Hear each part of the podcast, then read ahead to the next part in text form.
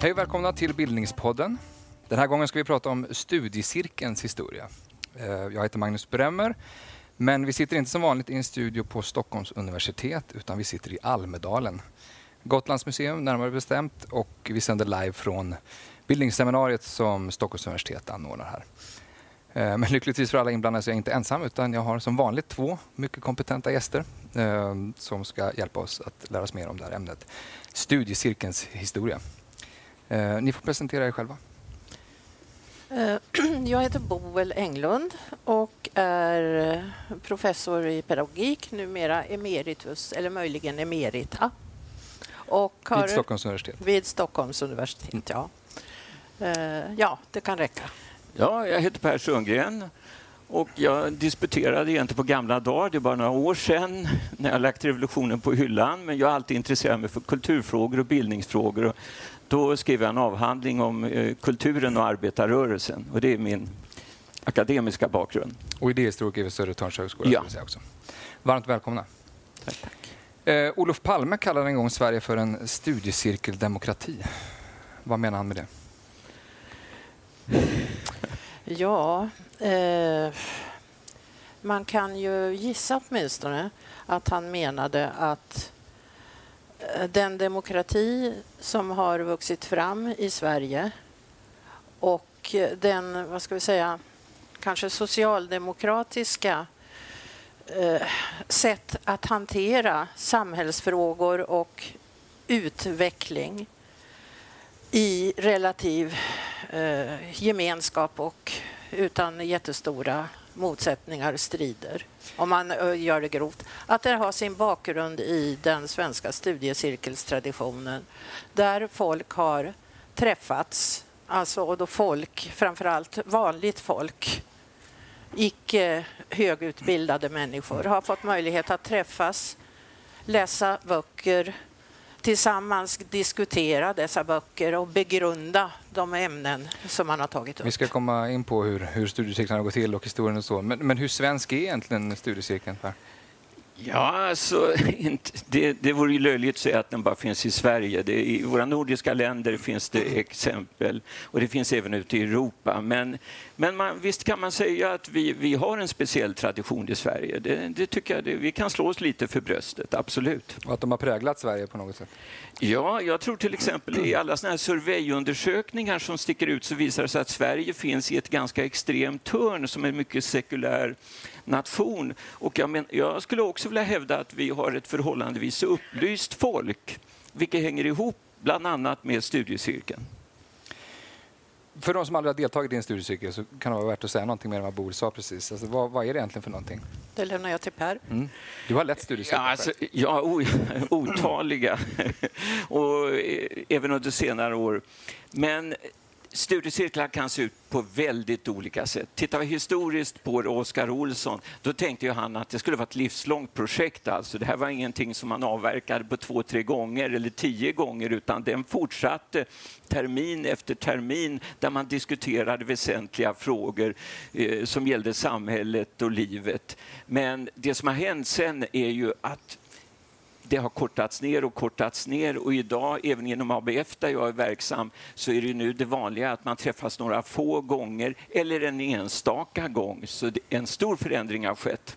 Men det är någon som leder studiecirkeln alltid. Ja, det är det. Absolut. Och hur, hur, hur, hur skiljer det sig från en bokcirkel? Det behöver inte vara någon skillnad. Alltså. Och när Oskar Olsson startade det här en gång i världen så var ju en... Vi kan an- säga det. Alltså, var, var börjar stu- studiecirkelns historia vill vi naturligtvis veta. Oskar Olsson är studiecirkelns fader. Ja, och han skrev en motion till IOGT. Vem var han kort bara? Ja, han var socialdemokrat, han var riksdagsman senare, han var nykterhetsvän och det var i den egenskapen, alltså inom IOGT, som den här traditionen hade uppstått. Alltså godtemplarna, nykterhetsrörelsen. Ja. Och då fann man att man saknade akademiker som kunde leda de här studiecirklarna.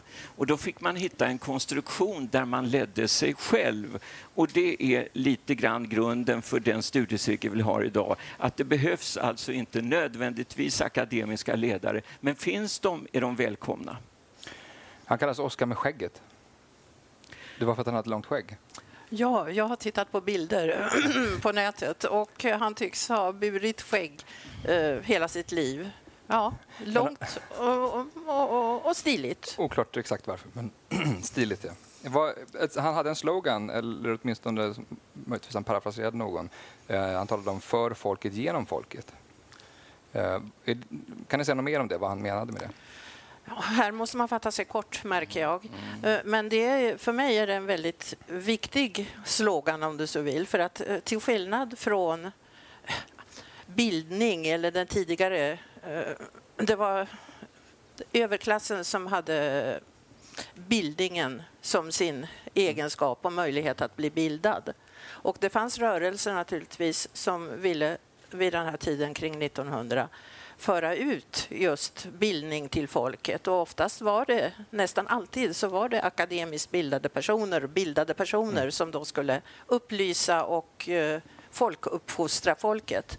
Men för mig, det särskilda just med det man kallar folkbildning och med studiecirkeln med dess historia är att den utgår, och Oskar Olsson och Ellen Key tror jag var före, utgår från att det är en skillnad, att folkbildningen i Sverige och studiecirkeln i Sverige ska vara för folket och genom folket, inte för folket uppifrån och nedåt.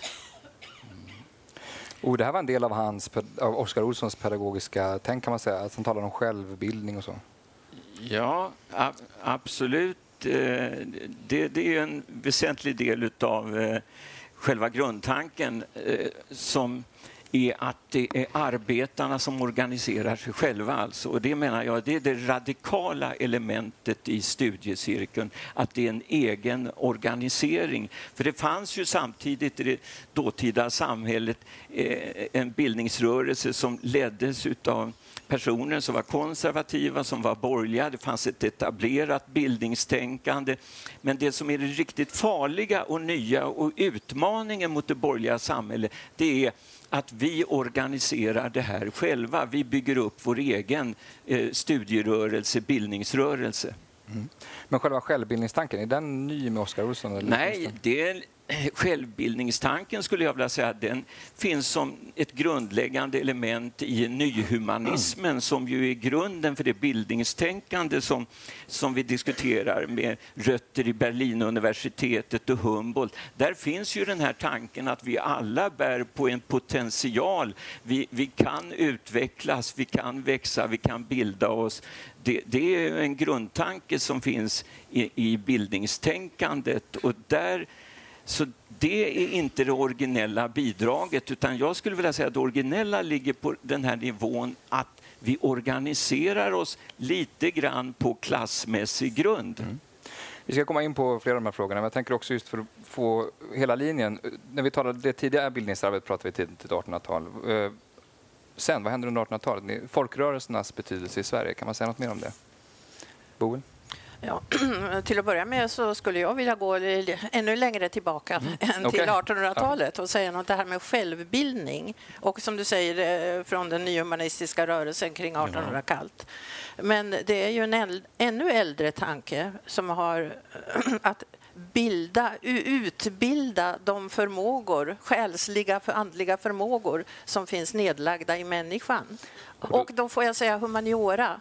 Humanior det betyder ju mera mänsklig. Och den antika bildningstanken den hade då det målet att bli mera mänsklig, alltså att utbilda och utveckla de anlag och förmågor som fanns nedlagda. Okej, okay, men det var inte mm. det du frågade om. men, eh, och sen upplysningstiden, var det också någonting du...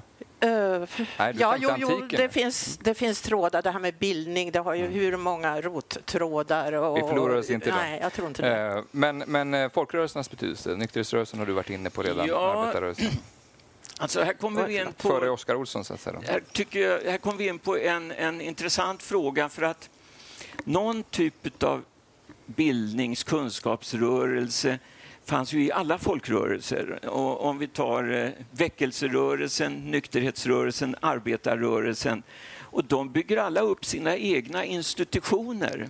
De har sin egen litteratur som de sprider och det som är typiskt för alla de här folkrörelserna det är inte den klassiska humanistiska bildningstanken. Det är inte att man ska växa till något fint och andligt, till något estetiskt. Utan alla de här rörelserna de ville ha en litteratur som spred den egna rörelsens budskap, alltså något som var konkret och påtagligt som man kunde ha nytta av. Det låg i alla... Man skulle sprida ett budskap. Det var budskap om nykterhet, budskapet om frälsning, vad som hände när man blev frälst. Och inom arbetarrörelsen så handlar det om att bidra med kunskaper till den sociala kampen. Så här finns ett tänkande som är instrumentellt och som egentligen är en konflikt med det klassiska bildningsidealet, det humanistiska, som såg bildningen som något klasslöst som fanns där ovanför samhällsproblemen i grunden och, och som sen skulle förmedlas till folket ofta i praktiken. Nämn några tidiga studiecirkelämnen. Nu pratar vi Oskar Olsson-tid, liksom sent 1800-tal. Ja, gärna. Och det är ju oerhört intressant hur dominerande litteraturen var inledningsvis, skönlitteraturen.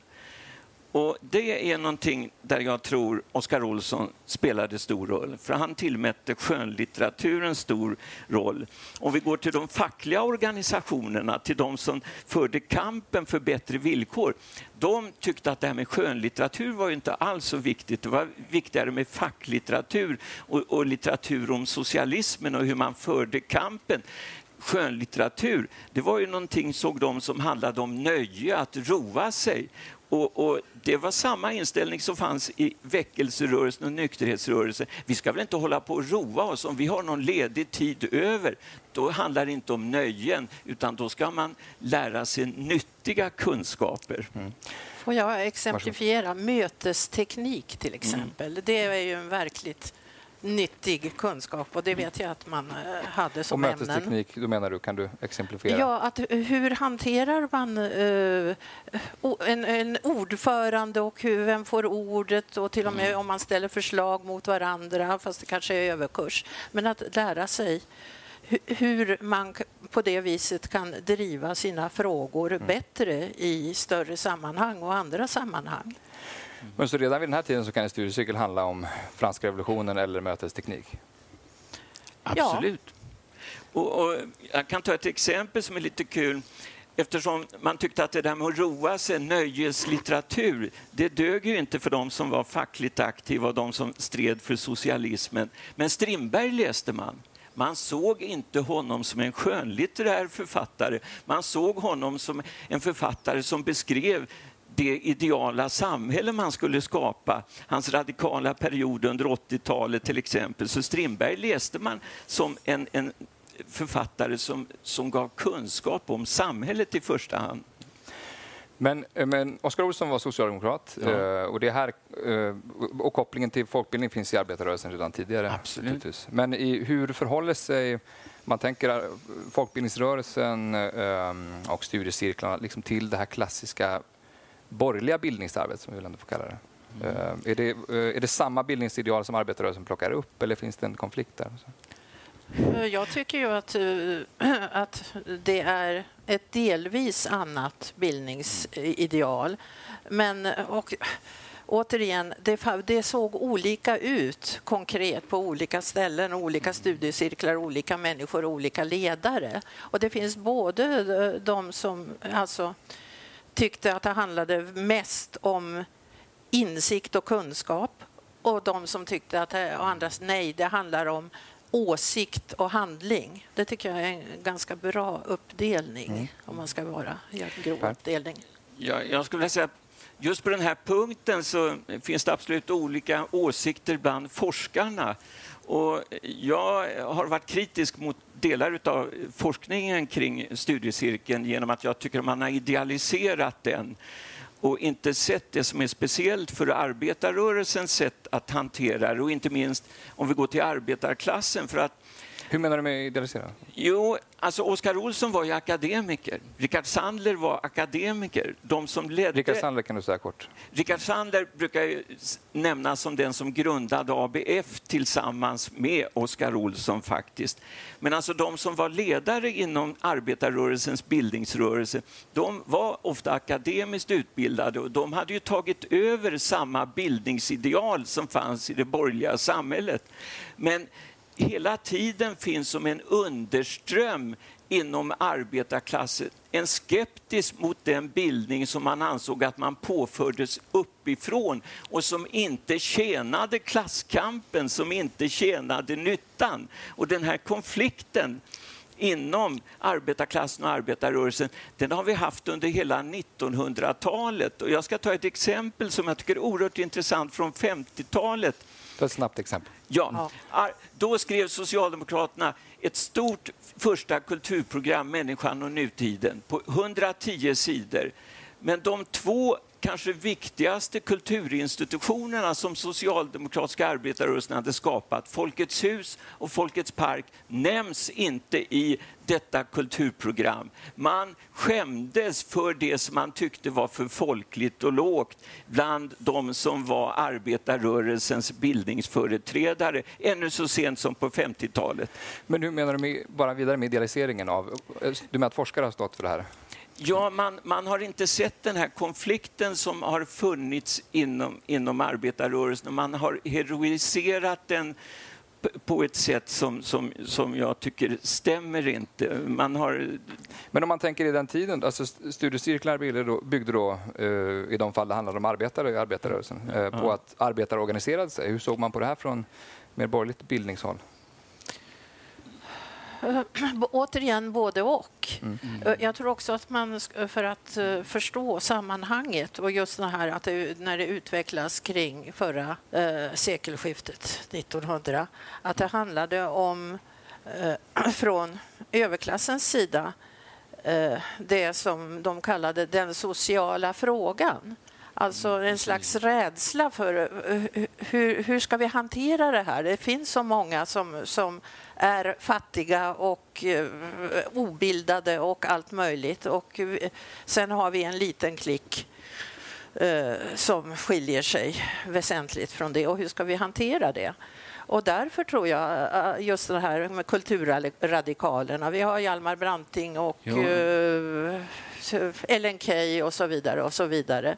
Att man insåg att något måste göras och, och därför accepterade man eller rent av tyckte att det var jättebra att arbetarna organiserade sig och i synnerhet att de sysslade med bildning inom sina och studiecirklar inom sina...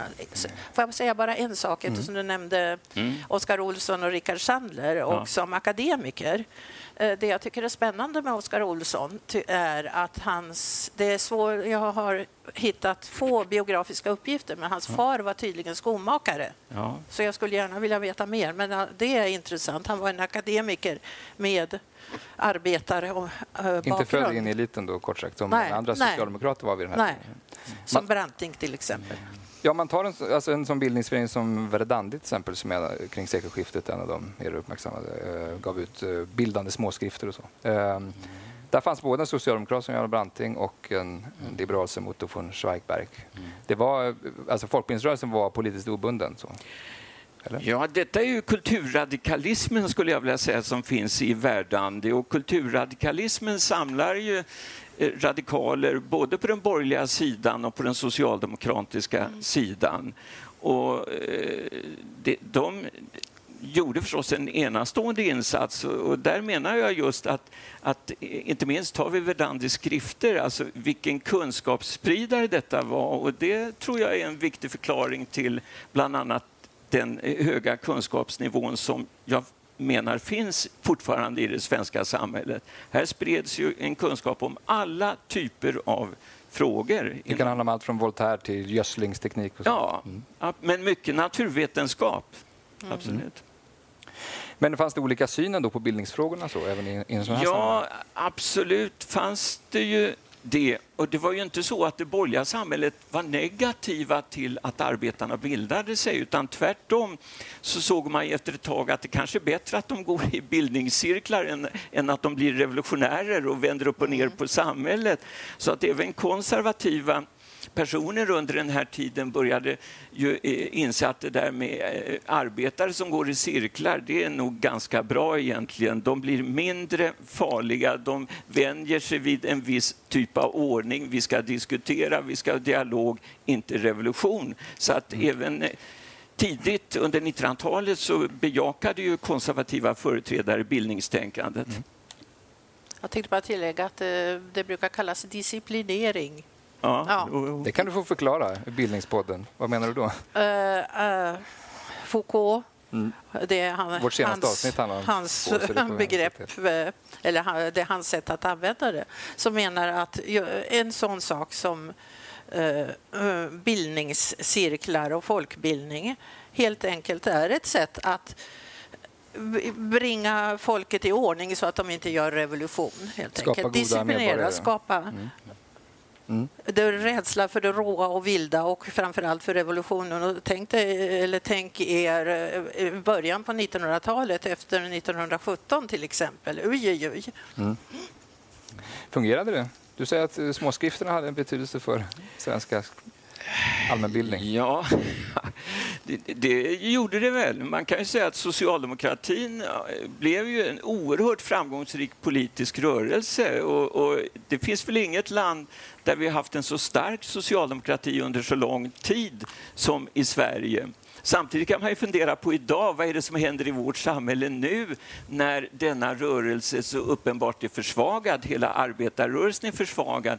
Vi har en enorm kulturklyfta och de spänningar mellan de där nere och de där uppe som jag nämnde, det finns ju kvar i dagens samhälle och menar jag är en förklaring till det starka stöd som bland annat Sverigedemokraterna har. Det handlar om att det finns olika sorters kultur och att vi i grunden inte är delaktiga alla i, alla i det här samhället i samma kultur.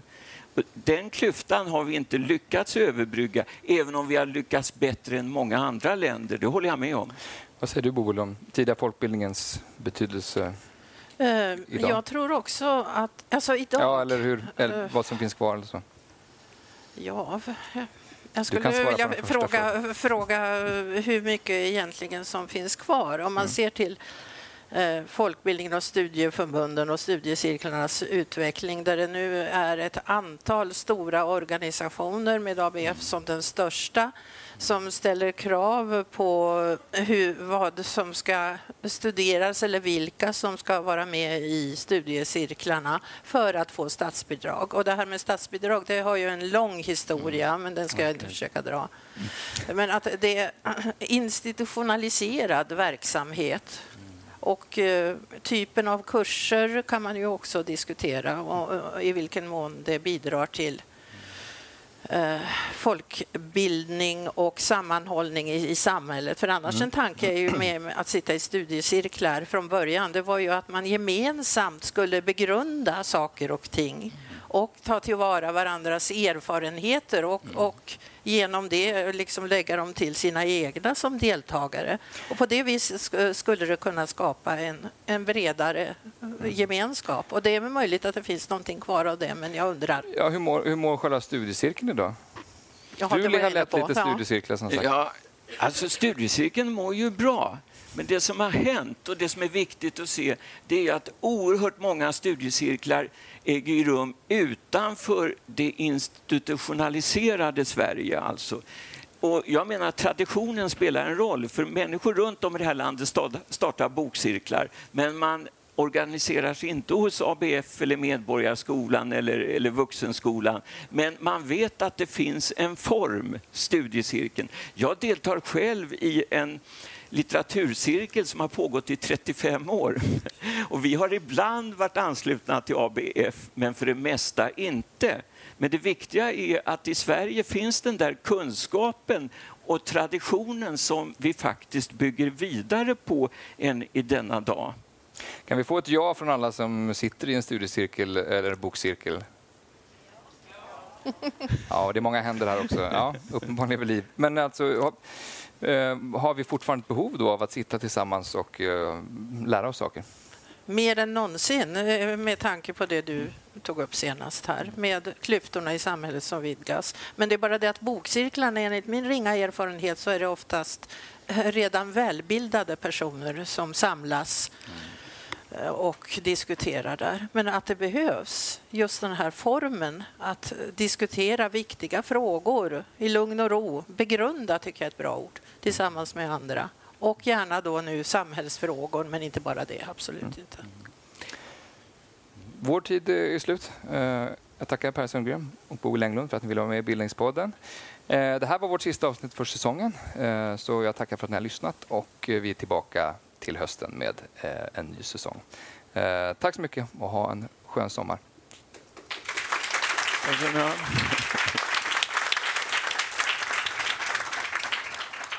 Du har lyssnat på Bildningspodden, en podcast från humanistiska fakulteten vid Stockholms universitet. Producerad av Magnus Bremmer och Claes Ekman. Podden spelas in på Språkstudion och tekniker är Henrik Nordgren.